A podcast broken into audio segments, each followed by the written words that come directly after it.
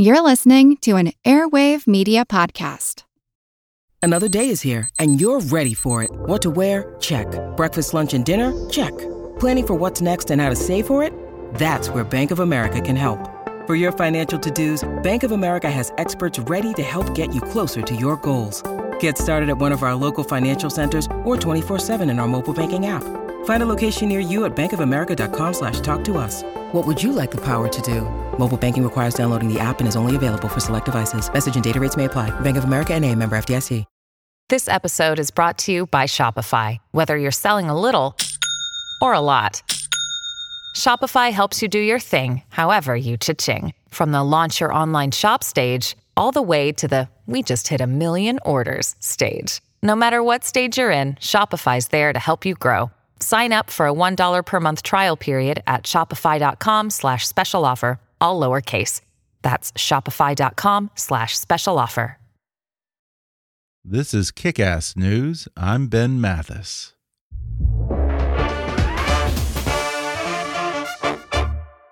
Hi, I'm Ben Mathis. Welcome to Kick Ass News. All great leaders, thinkers, artists, athletes, and visionaries share one indelible quality. It enables them to conquer their tempers, to avoid distraction and discover great insights, to achieve happiness and do the right thing.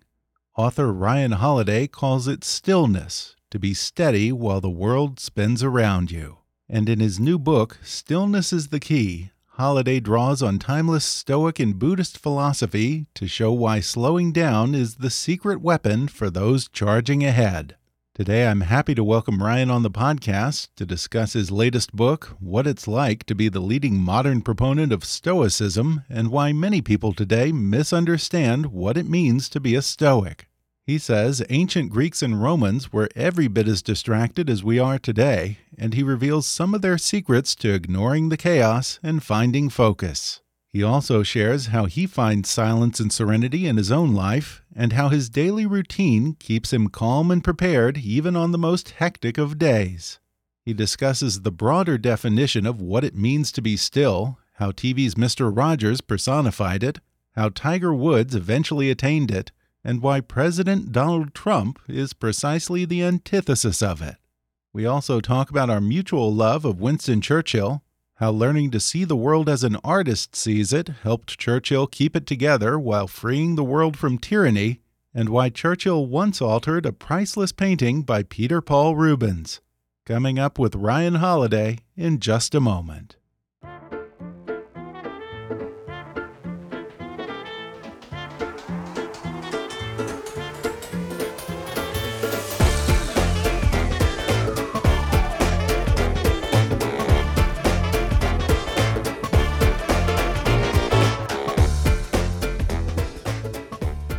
Ryan Holiday is one of the world's foremost thinkers and writers on ancient philosophy and its place in everyday life. He is a sought after speaker, strategist, and the author of many best selling books, including The Obstacle is the Way, Ego is the Enemy, and The Daily Stoic. His books have been translated into over 30 languages and read by over 2 million people worldwide, and now he's out with his latest offering titled Stillness is the Key. Ryan Holiday, welcome to the podcast. Yeah, thanks for having me. Well, Ryan, you are probably the most notable modern proponent of the philosophy of Stoicism. It's been the theme of several of your books, including the most recent one. But I have to say, I feel that a lot of people today probably misunderstand what Stoicism is and perhaps associate Stoicism with joylessness or just being made of stone. So, just to lay a little groundwork here, I'm wondering if you can explain what Stoicism's really about. Yeah, so so leading proponent uh, or not, it's certainly not a, a crowded field. Right. uh, my, my, publisher was not, uh, as you can imagine, really excited when I said, "Look, for my next book, I want to write about an obscure school of ancient philosophy," and I, I think that kind of mirrors exactly what you said. People the word the sort of lowercase stoic right mm-hmm. means in the english language means uh, has no emotions sort of it means suppressing it means denial right. uh, sort of uh, uh inability to feel pain um, and and it happens that although that might be what it means in english the uppercase stoic the philosophy itself is is a far more robust and comprehensive school in the way that Epicureanism doesn't mean mm-hmm. likes to eat a lot of food. Right. um, so, so, so really, at the core, Stoicism is a philosophy that comes from ancient Greece and makes its way through the Roman Empire. Its most famous practitioner is Marcus Aurelius, the emperor. So it should already kind of give you a sense that oh, this is a philosophy for like real people in the real world really there's there's four virtues in stoicism and I, I, I they're kind of hard to disagree with it's courage justice doing the right thing temperance, moderation, and then finally wisdom. And and so at the core, Stoicism is a practical set of exercises or thinking um, that's designed to help one mm-hmm. live those virtues. Whether you know you were a slave, which was a, a, a common practice in Rome, uh, one of the most famous philosophers in, in Stoicism is a guy named Epictetus, who's a slave. Or on the other extreme uh, side of the spectrum, you you end up running the whole show as as emperor. Another misconception that I think about is uh, this idea that maybe Stoicism is synonymous with masculinity and this classical manly ideal from the Greeks and the Romans. Or maybe it's not a misconception. I don't know. Uh, how, how come we don't hear about more women Stoics? I mean, the, the truth is, we don't really hear about many female philosophers, period. And sure. it's a it's a bias of the time uh, of of history one of the really interesting parts of, of Stoicism is actually at very early on in Stoicism, Musonius Rufus, uh, one of the well known Stoics, he goes, um, actually, why shouldn't women be taught in philosophy? If philosophy is about human flourishing, this really should have nothing to do with sex or gender. This should be something that anyone is able to pursue. Mm-hmm. So, so when you really read the Stoic text, there's there's there's absolutely nothing that says this is only for men, this is only for soldiers, this is only for the sort of so-called masculine virtues. But the reality is, uh, like all of history, it, it, was you know deliberately male centric. Mm-hmm. I what I tend to think about though is like when I really think of the the people who have embodied the the Stoic virtues over history, it's it's hard not to find you know the the the the women who put up with so much for so long. Um, yeah. At, you know, uh, certain certainly there's nothing more stoic than you know tens of thousands or you know hundreds of thousands of, of years of of women doing something let's call it child uh, childbirth going into it willingly, knowing you were quite likely to die in the experience. I don't, I don't see yeah. men doing anything like that. Yeah, I guess there are a lot more women Stoics than just you know, Lilith from Cheers or something. Yes. Well, I want to talk about this new book. It's titled "Stillness is the Key," and I feel like I should clarify that you're you're not just suggesting that everyone go paint themselves silver and stand out on a crate in Central Park. What is your idea no. of stillness? What are you talking about? Yeah, and I'm not I'm not talking about necessarily just that Eastern uh, version of stillness either. We we think oh stillness is an ashram in India or mm-hmm. stillness is a, a 30 day meditation retreat. These are wonderful things, but I, I'm talking what I what I think is so interesting about this idea of stillness is that it is an Eastern and a Western idea. Marcus Aurelius talks about stillness multiple times. So does Seneca. So does Epictetus. Um, this idea of equanimity of uh, to the to the the Stoics and the Epicureans, there was this idea of apatheia, and then the other word was ataraxia. And hmm. basically, it describes what we would we would use today, uh, what we would describe now as stillness. It means not being jerked around by your emotions. It means not being jerked around by external forces. It means having that sort of quiet confidence and equanimity that allows you to sort of endure and survive and get through chaotic, dysfunctional times, stress, difficulty, pain. So to me, stillness is like it, it isn't uh, a detachment from the world. It's actually a, a, a very urgent and uh, desirable trait to bring into mm-hmm. the world, whether you're uh, the president or you know a single parent. But it also strikes me that stillness is really lacking in our lives today. I mean, every aspect of modern life, from our lack of work life balance to technology and social media, seem to be just designed to sidetrack us in our pursuit of stillness. Uh, do you think that it was a lot easier to achieve stillness in ancient Greek and Roman times than it is today? Well, one of the stories I, I open the book with is is this story of Seneca right around the the, the turn of the, the millennium and he's sitting in uh, an apartment in Rome trying to write. And the the noises that he's describing in this scene and the language he is using is almost indistinguishable than from the scene I could have described to you from uh, my New York City uh, hotel room this morning. really? You know, there's the, yeah, there's police are arresting someone downstairs, and there's a gym, uh, you know, across the way that's making noise, and vendors are shouting their wares, and there's traffic, and and he's talking about how you have to get to a place where it doesn't matter what's going on outside you can focus and be clear headed. And and one of the as I was researching and writing about stillness, I, I came across this quote from Blaise Pascal. He says, all of humanity's problems stem from our inability to sit quietly in a room alone. Yeah. I, I mean, he, he, said that 500 years ago. So it is a, it's certainly a timeless problem, but I would argue that technology has exacerbated it to a degree that, you know, if you transported an ancient Stoic into uh, our lives today, they'd they'd be like, "How can you live like this?" yeah, what was his secret to shutting out the cacophony and focusing? That's what we're trying. We're, we're trying to build, I think, habits that allow mm -hmm. us to kind of get into that flow state. We're trying to realize that uh, you don't have. I, so I feel like so much of my frustration, for instance, when I hear noise. Let's say my neighbor's making noise. Mm -hmm. If I just go, I can't change this this is the noise. I got to find a way to work with it. That is a, a far less disruptive attitude than the I'm going to go confront this person. Why are they always doing this? How do I stop this? I think I need to move. You know, it, it's like we often respond to external noise with internal noise of our own on top of it, right? Mm-hmm. And so what the Stoic is trying to work on is like, how can we? Uh, the the uh, this interesting word appears in Stoicism all the all the time. Assent not mm-hmm. ascent like climbing a mountain, but ascent like consent, right? Like I'm I'm going to go with this and I'm going to accept it and I'm going to find a way to use it and work with it. And I think, you know, again, to go back to this Seneca uh, example, what is powerful is we only know about this scene because he so vividly described it and wrote it down and published it. And thousands of years later, it's still true. And so he used that experience to touch something in the eh, the, the, the uh, at some timeless element of the human experience.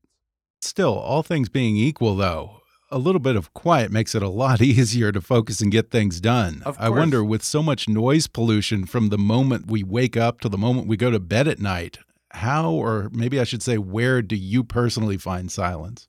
Look, one of the reasons I, I live in rural Texas is is precisely to limit not just the noise of neighbors and cars and mm-hmm. traffic, mm-hmm. but you know, I think uh, I get invited to do less stuff because people know it's far away.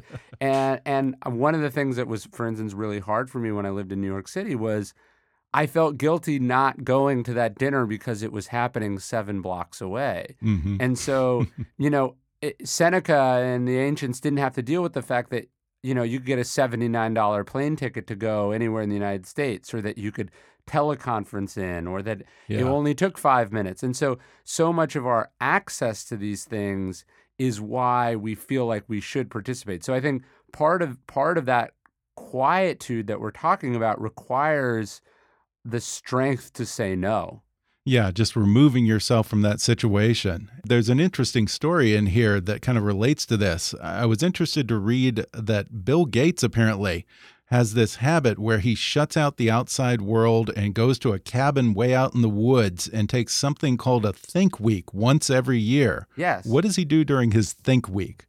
So he's not disconnected from the world, but he is disconnected from other people. He mm-hmm. and, and, look, there's certainly a, a, an amount of privilege when a billionaire is going off to their cabin in the woods, but I I think it's important to go. Oh, he realized that the best use of his time is not another staff meeting. It's not another conference. It's not even showing up at the office every day, but that actually by removing himself throwing himself into books and academic papers and watching videos, and, and it, that he needs to go consume information and think kind of big picture for an extended period of time uh, is really important. I mean, I, I, I think a more relatable example is just a few months ago, I was on vacation with my family playing on the beach with my kids. And the idea for what I think will be my next book came from that moment. I wasn't Really? working. Um, and if I hadn't given myself the gift of that time, if I hadn't been willing to say no to work in the short term, I would have been much worse off in the long term. And in just this overflow of information that gets thrown at us, I think it's becoming increasingly more difficult to separate what's important from what's not important. And you talk about this, uh, about the way that military geniuses from Napoleon to Eisenhower actually tried to limit the flow of information to them. That would seem almost counterintuitive that a military general wouldn't want as much data as possible. What are the benefits of limiting information? There's a, a famous scene, I, I have it in uh, my book, Ego is the Enemy. Eisenhower walks into the office the first day, like the day of his inauguration, and uh, a, a, a man hands him an unopened envelope with a, a memo or something in it. And he goes, Never hand me an unopened envelope again. This is why I have staff. And Right. that might seem really pretend that when we hear that now, we say, that sounds like a really old fashioned, you know, uh, elitist CEO. But his point was no information, unless it's of the utmost importance, should reach him unless it's been vetted by other people lower in the command who ideally could take care of it Mhm. without him having to be involved. Yeah.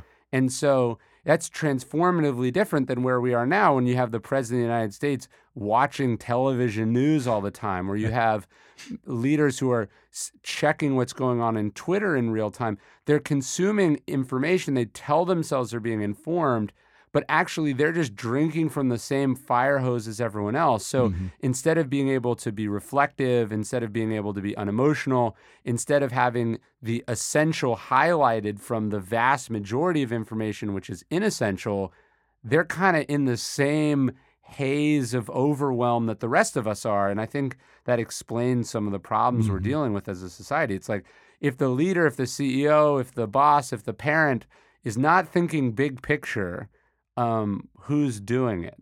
Well, since you brought him up, let's talk about Trump because he seems like the literal opposite of everything that you preach in this book. He's almost a case study in the lack of stillness. Every insult, no matter how trivial, warrants an immediate knee jerk response from the most powerful man in the world. He's literally never silent. Uh, and from what I can tell, it hasn't served him very well. Would you agree? Yeah, look, and, and I don't even think we have to talk politics. I think that, look, let, let's stipulate there are some legitimate reasons to support a lot of the policies, right? It, as Mhm. controversial as that m- viewpoint may be to some Right. people. But even even just in terms of a, of an effective Yeah. leader, you know, he seems to That- shoot himself in the foot every chance he gets. Right. And and then again, let's even put that aside. Does it seem like it's fun to be Donald Trump? Right? Yeah. Like does it seem No. like he's enjoying it seems awful, right? That Mhm. that lack of stillness. Like when I when I read scenes about Trump, you know, at three in the morning in his bathrobe texting Sean Hannity because he's watching a, a DVR recorded episode of, of of a Fox News show that's designed to provoke and and and prey to your paranoia and frustrations. And I think about his wife living in a different house, and I think about him being besieged and uh, betrayed by all these people. You go, oh man, this is not. Uh, it's almost Shakespearean how torturous that that sort of uh, that life must be. Yeah. Yeah, I had his biographer David Cay Johnston on a while back, and he said, Thank God that you're not Donald Trump, because no one wants to be that miserable. I, I think that's I think that's right. We're going to take a quick break, and then I'll be back with more with Ryan Holiday when we come back in just a minute.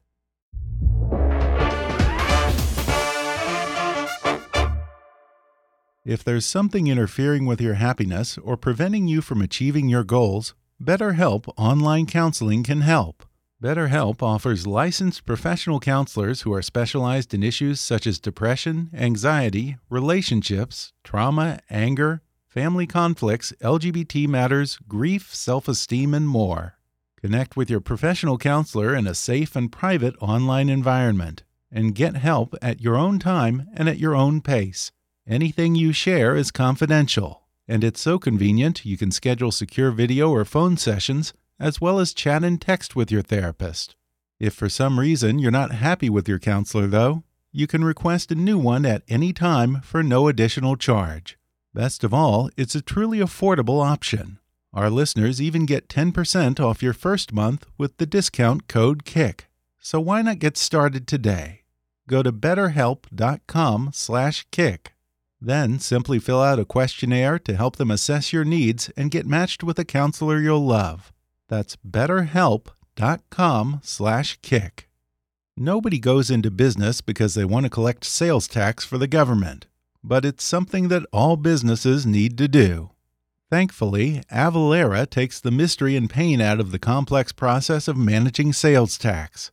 Avalara uses the power of the internet and cloud services to automate the tax compliance process for businesses of all sizes, integrating directly with the accounting, e commerce, point of sale, and marketplace platforms that you're already using. Avalara software automatically calculates the right amount of tax that should be charged for every product in every transaction in real time and files your tax returns wherever and whenever they're due.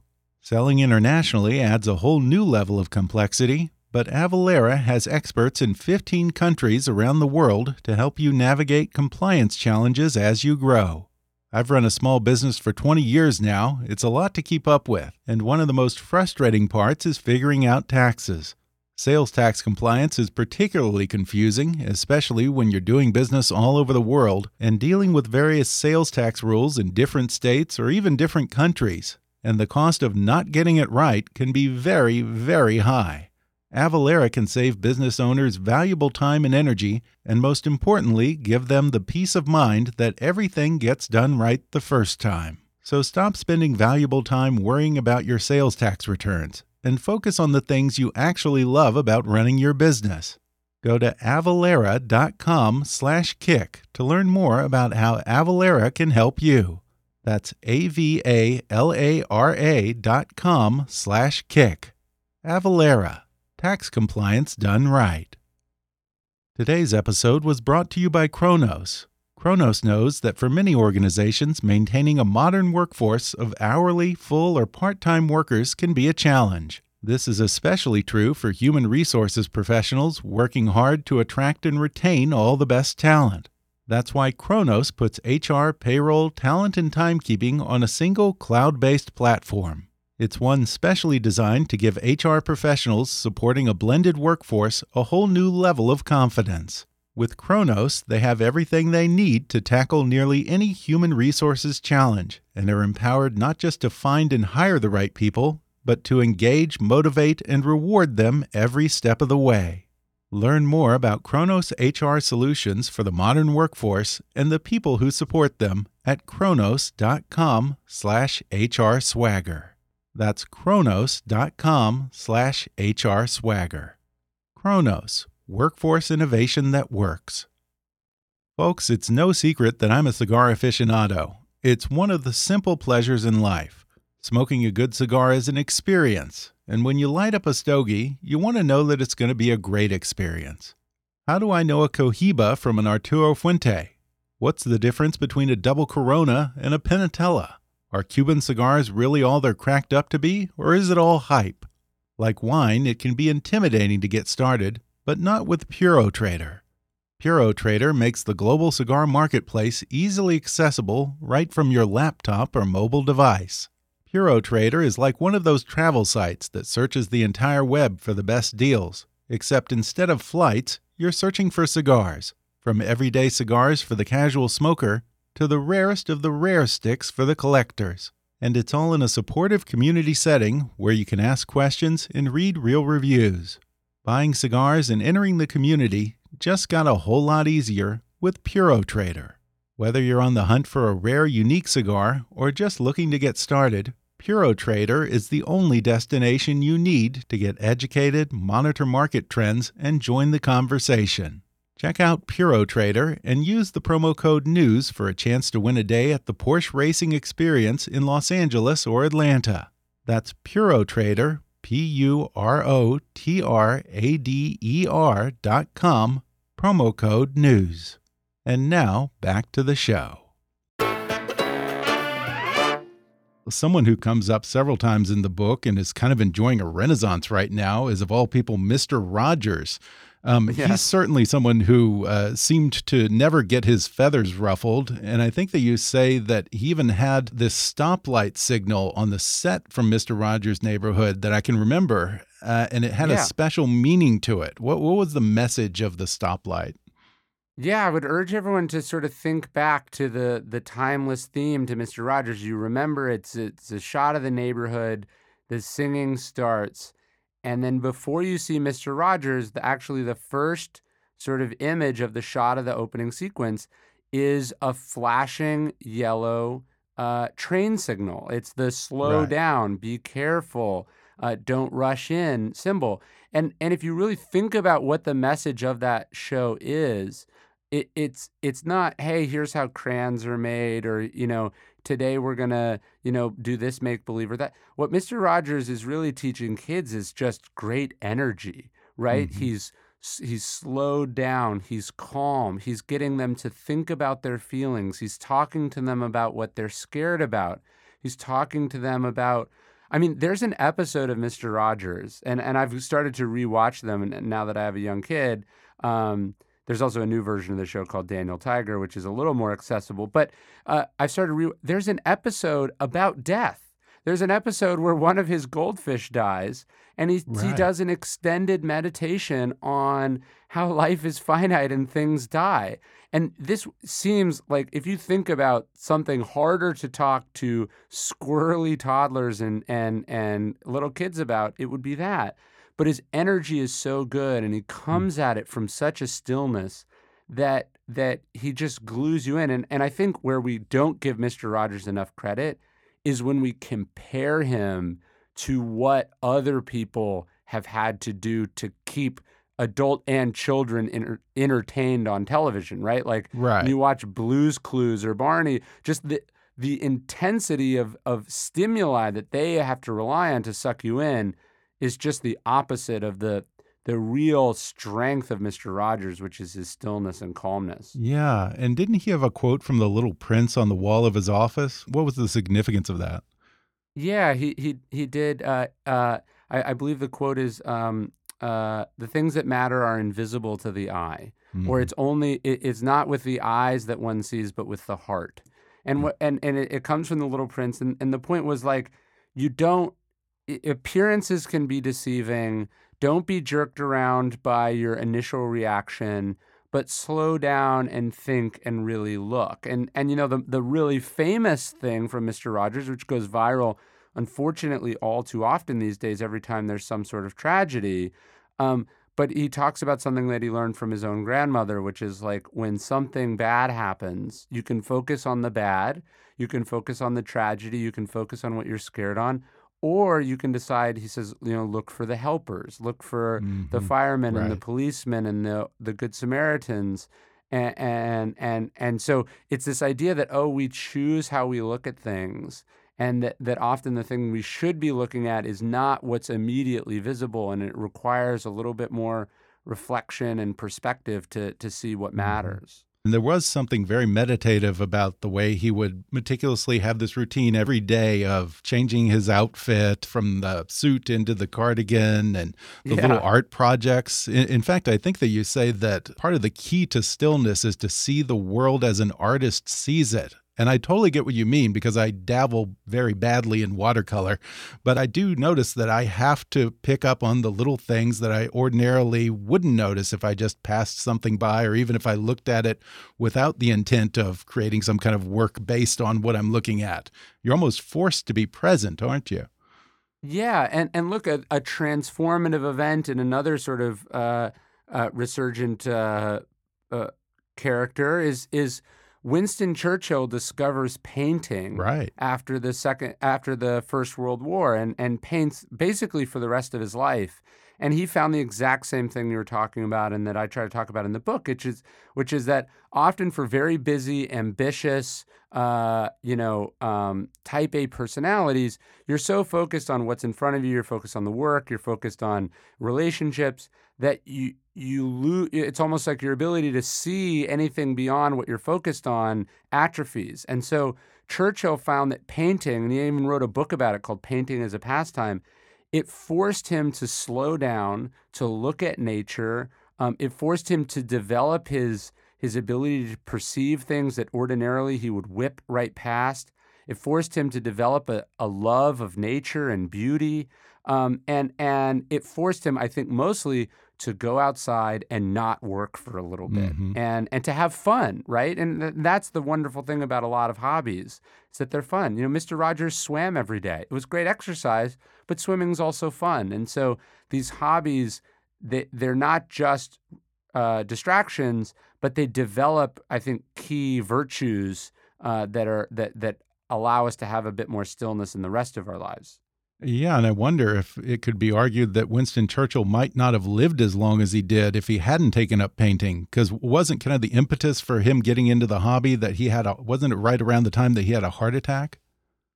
Uh, it it, it Was was. I don't know if he had a heart Maybe attack not. exactly, but after the after the failure of the Gallipoli campaign, he basically has kind of a nervous breakdown. And his sister-in-law says, "Hey, look, my kids like using this small paint set. Maybe you would have fun with it."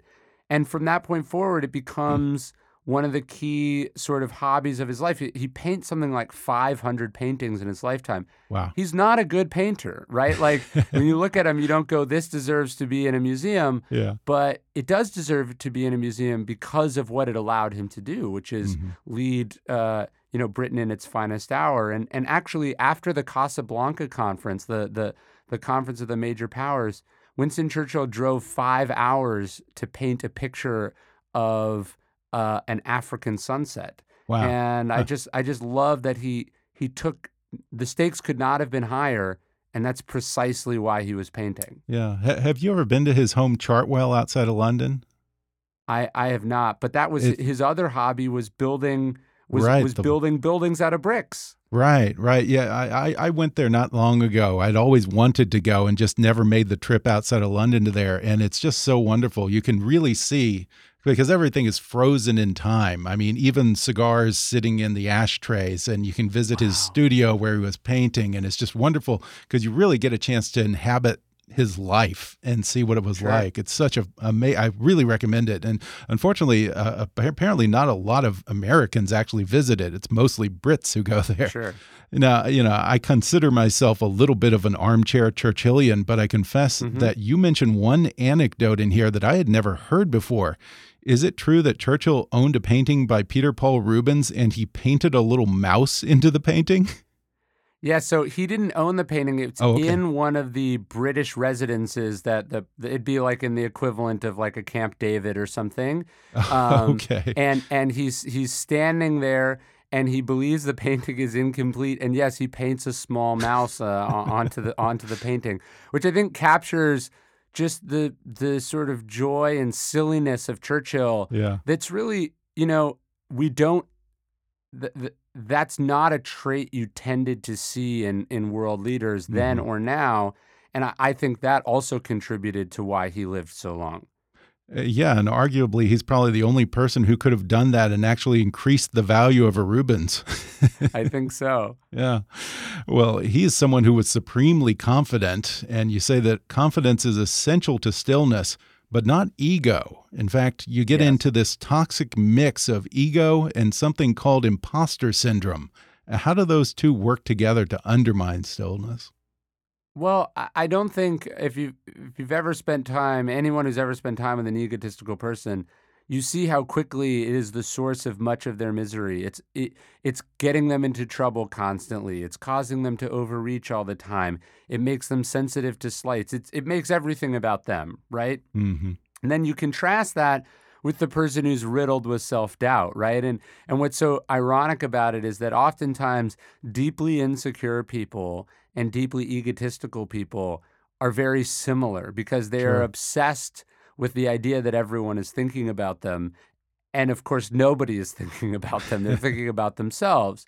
And and so what I, I want to provide people is the idea that that confidence is the middle ground between those two vices hmm confidence is a is is a sense of where you're strong as well as a sense of where you're weak uh, it doesn't regard any of those things as permanent but it's just a, a kind of an accurate, let's call it reality based self perception versus what so many people have, which is they are uh, their own worst enemy or they are their own, uh, you know, voice whispering in their ear that they're invincible or infallible or amazing.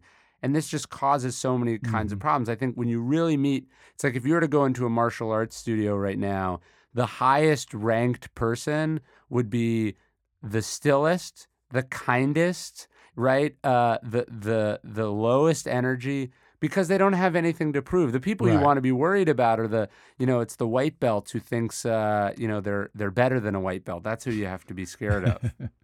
Yeah, and by way of example, uh, you actually contrast Tiger Woods during the period when he was reckless and cheating on his wife and his life completely imploded with his comeback at the PGA tournament a few years later.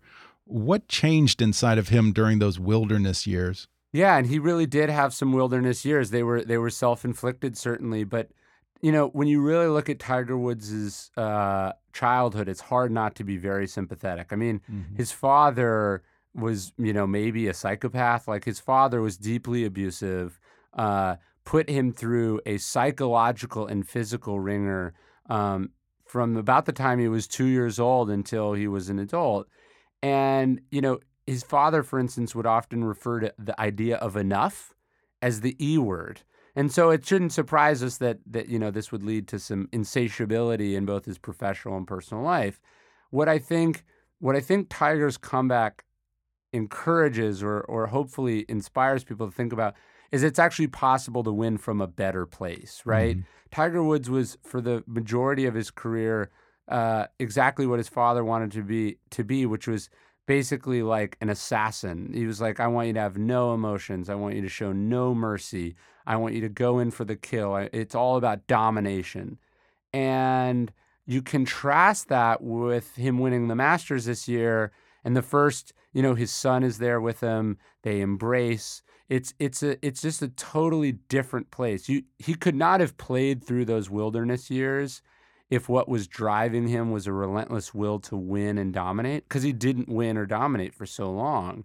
I think what Tiger has managed to do is is to reorient himself around you know some some perhaps uh, better principles and and the Right. idea that you can be an amoral success is uh, perhaps true in the short term, but eventually, as we saw with someone like Tiger, it, it, it comes back and, and destroys what you've built. And along those lines, there's a chapter in here on virtue. Uh, what was the Stoics' definition of virtue? You know, virtue is a is a word that's got a lot of moral connotations for Right. people. It seems stuffy. It seems, you know, it seems very Christian, right? It's it's uh, and, right. And so people well, have it- it's associated natural- with chastity in Victorian times. Yeah. So I think there's some Yeah. carryover from that. but but arete uh, actually means like human excellence. So I think to the Stoics, there's there is a, a an, a moral component, but it's it's about doing right. It's not about avoiding sin, right? So. Mhm. Uh, and, and Tiger Woods talked about this. He said, "Look, when you're lying and cheating all the time, your life is not actually fun." And I think you know deep down, when you look at some of his behaviors, you, you kind of get the sense that he wanted to get caught. The the the I think the problem with doing wrong, with being an unethical person, with not living a life that is virtuous, is that deep down you almost kind of crave self-destruction because it's it turns out that it's not as fun as you think. So for the Stoics, I think Marcus Aurelius has a quote, and I think it captures the the the Stoic definition of virtue quite well. He says, "Just that you do the right thing, the rest doesn't matter." Mhm. Meaning the consequences don't matter, whether it's rewarded doesn't matter, and and also there's no excuses or rationalizations for why you can't do the right thing. And to help us behave more virtuous, you actually recommend coming up with epithets to recite or keep in mind when you're coping with a variety of situations in life. Can you give us a few examples of those epithets and how one can use them? Well, the the I think we can go back to those sort of four virtues of Stoicism. They're, they're not a bad place to start. You know, virtue, or sorry, justice, temperance, uh, courage, and wisdom. But it's almost like, uh, you know, if you're not going to live by the Ten Commandments, what are you going to live by? What are your 10 commandments? Mhm. You know, what what are what are the traits that you want to embody? What are the lines you're going to draw? Because if if the purpose of this is not just sort of excellence, but also a lack of agony over what to do or not do in certain situations, you kind of need a framework or you need to concretize this stuff. You can't just, oh, I'll decide in the moment because there's always temptations in the moment Mhm. that uh, take you away from virtue. And one thing that sort of undermines virtue, and certainly that Tiger Woods succumbed to for a period, is desire. And you have a chapter on desire in which you actually talk about the Epicurean's idea of pleasure and desire. And I was intrigued by that because I, I think it's easy to confuse desire slash pleasure with hedonism. Epicurus Yes. saw it differently, no? Yeah, yeah. And, and Epicurus was not some monster uh, or depraved lunatic. You know, what, what he was really advocating is sort of a love of the small pleasures. There's this moment, uh, there's a letter we have from Epicurus where Epicurus is like writing this sort of wealthy backer uh, who basically says, like, um, you know, I'll give you anything you want. What do you want? And Epicurus requests a small pot of cheese. Um, and so th- this was a simple man who took a great deal out of, of pleasure out of a simple life. And I think one of the rules we have from Epicurus is a really good one. It's worth remembering. He goes like, always ask yourself, what will happen if I get the object of my desire? Right. Wow. So so often we think, oh, it would be great to have sex with this person, or it would be great to become a billionaire, or it would be great to be a dictator. But he wants you to think, what would that do to you? What what what does that actually look like? And the truth is, a lot of the things we desire, because we have experienced getting them before, the reaction's kind of like meh, you know. Like, Mhm. uh, so he wants you to think not about how you feel as you're lusting after something. He wants you to think about how you're going to feel in that refractory period afterwards. It's Mhm. often a little bit regretful or even shameful.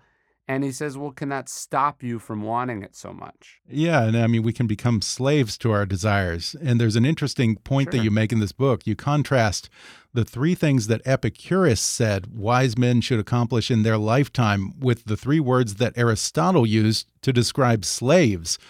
Can you talk about those and let's see which three most closely resemble our lives today? Yeah, yeah, no, like sort of work, pain, and food describes, unfortunately, the existence of most people most of the time, and and that's really sad, right? Yeah. We are we we are we turn ourselves into machines, and we tell ourselves we're doing it so that in the future we can have enough to live how we want. And the truth is, most of what we want, or most of how we should actually live, is so accessible uh, and, and so much more within our grasp than uh, than we would like to think it to Yeah. be. And of course, look, there's there are many people who are starving and many people going without basic necessities. So it's it's the the point here is not to be glib about that, but it's to say, you know, people have more than uh, people in in this country have more than they've ever had before. But most people are unhappy, and and and most people are. Uh, you know, not living a great life, and, and a, a lot of that is solvable. Yeah. Yeah. And it makes me think of a story that you tell in the book about, I guess it was Kurt Vonnegut and Joseph Heller meeting at a fancy party. And I was wondering if you could tell that story. Yeah, so uh, Heller, who wrote Catch 22, and Vonnegut, Right. who wrote Cat's Cradle and Slaughterhouse Five, are at a party. I believe it's in New York City. It's the house of this billionaire. You, you know, you get invited to these parties, and you're not sure why you're there. You're mostly probably to as a as a status symbol for the host.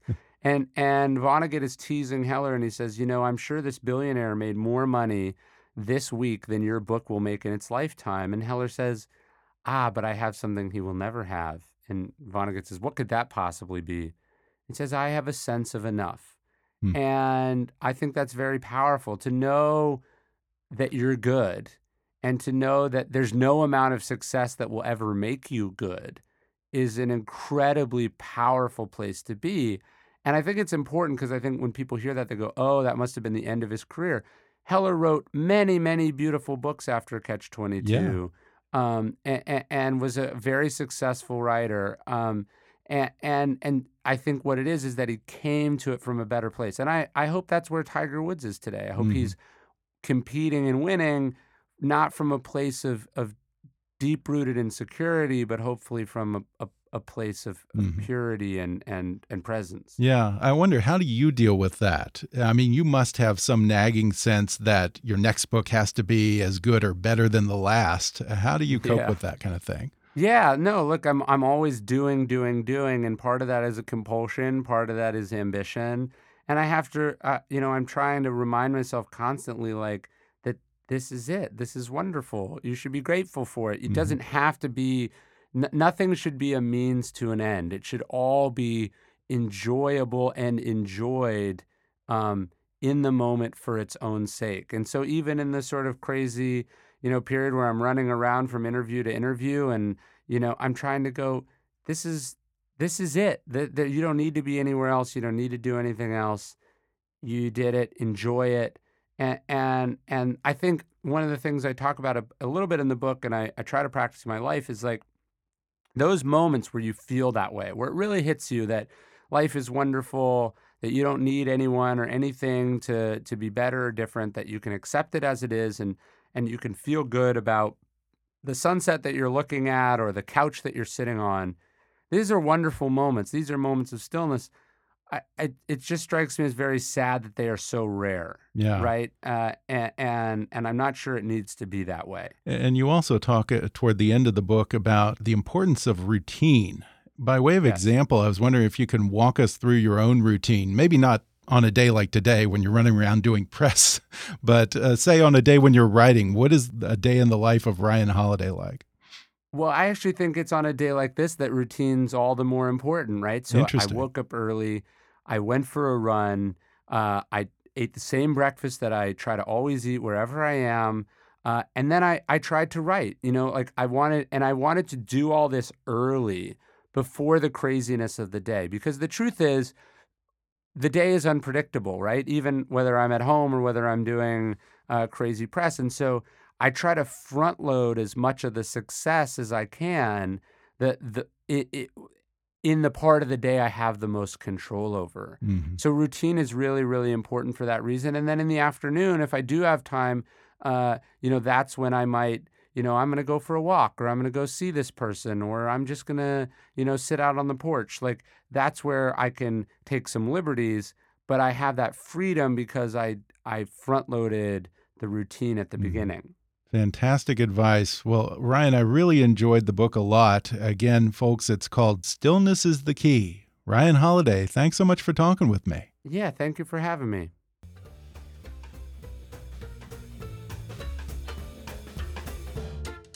Thanks again to Ryan Holiday for coming on the podcast. You can order his new book, Stillness is the Key, on Amazon, Audible, or wherever books are sold. And keep up with Ryan at ryanholiday.net or on Twitter at, at ryanholiday. Whatever struggles you're facing, from depression and anxiety to trauma and grief, BetterHelp can connect you with a professional counselor in a safe and private online environment. It's so convenient, you can schedule secure video or phone sessions, as well as chat and text with your therapist. And anything you share is completely confidential. Best of all, it's a truly affordable option. Our listeners even get 10% off your first month with the discount code KICK. So why not get started? Simply go to betterhelp.com/kick and fill out a questionnaire to get matched with a counselor you'll love today. Today's episode is brought to you by Kronos. Kronos provides HR solutions for the modern workforce and the people who support, motivate, and engage them. They put HR, payroll, talent, and timekeeping on a single cloud based platform. Learn more about Kronos HR, payroll, talent, and time at kronos.com slash HR swagger. That's kronos.com slash HR swagger. If you enjoyed today's podcast, be sure to subscribe to us on Apple Podcasts and rate and review us while you're there. Five star ratings and detailed reviews are one of the best ways for new listeners to discover the show. You can also follow us on Facebook or on Twitter at, at KickassNewsPod and recommend us to your friends on your social media. For more fun stuff, visit kickassnews.com And I welcome your comments, questions, and suggestions at comments at kickassnews.com. For now, I'm Ben Mathis, and thanks for listening to Kickass News.